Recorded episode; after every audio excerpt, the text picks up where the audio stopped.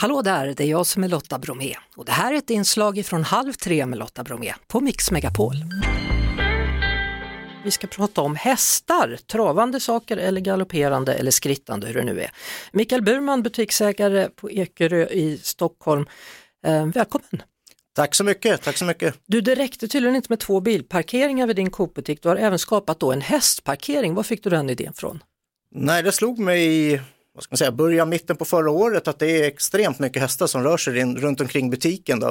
Eh, Jag är visserligen också butikschef måste jag rätta, jag är inte butiksägare i Coop, då, så det är kunderna som äger oss. Eh, nej, men så slog det mig att det är väldigt mycket hästar, men de har ingen naturlig plats att stanna och ta det lugnt på, liksom, och ta en liten rastplats. Då. De behöver ju det precis som de som är ute och kör bil. Då. Och, och, men folk kommer verkligen och det är som en saloon i vilda västern? eller? Nej, hur, utan- hur har du gjort?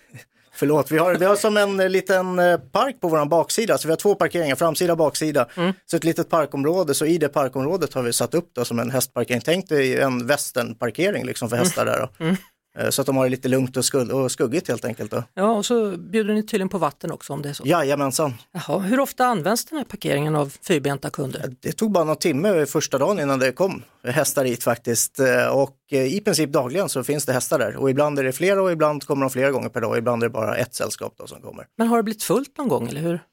svårt att bli fullt. Det går ju inte att fästa så många hästar och man får inte lämna hästarna själva. Liksom. Men det, om parkområdet är stort så det, det är svårt att fylla kan jag säga. Jaha, hur, hur eh, tar folk med sig sina varor då? Har de så här sadelväskor eller är det vagn eller? Mm, Nej, utan man, alltså, om de handlar, och det var inte huvudsyftet, då, så stannar de ju mer för att Eh, vad ska man ta, en fika, kanske köpa en, en, ett äpple eller en morot till hästen också när de ändå är där. Då. Det är så det Så går det till. är, exakt, det är en fikaplats kan man tänka, en bensinstation för hästar.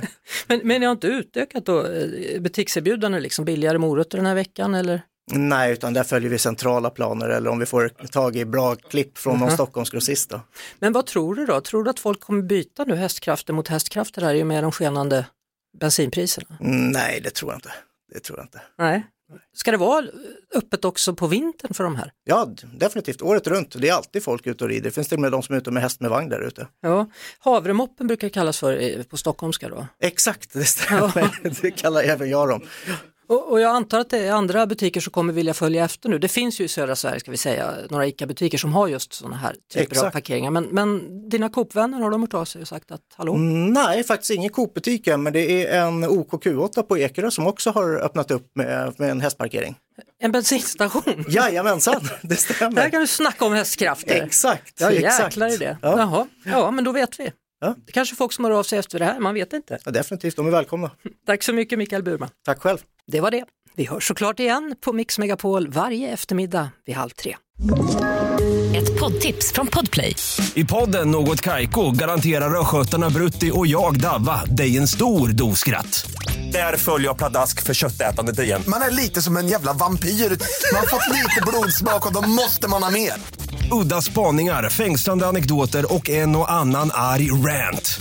Jag måste ha mitt kaffe på morgonen för annars är jag ingen trevlig människa. Då är du ingen trevlig människa, punkt. Något Kaiko, hör du på Podplay. Därför arkadeinerna.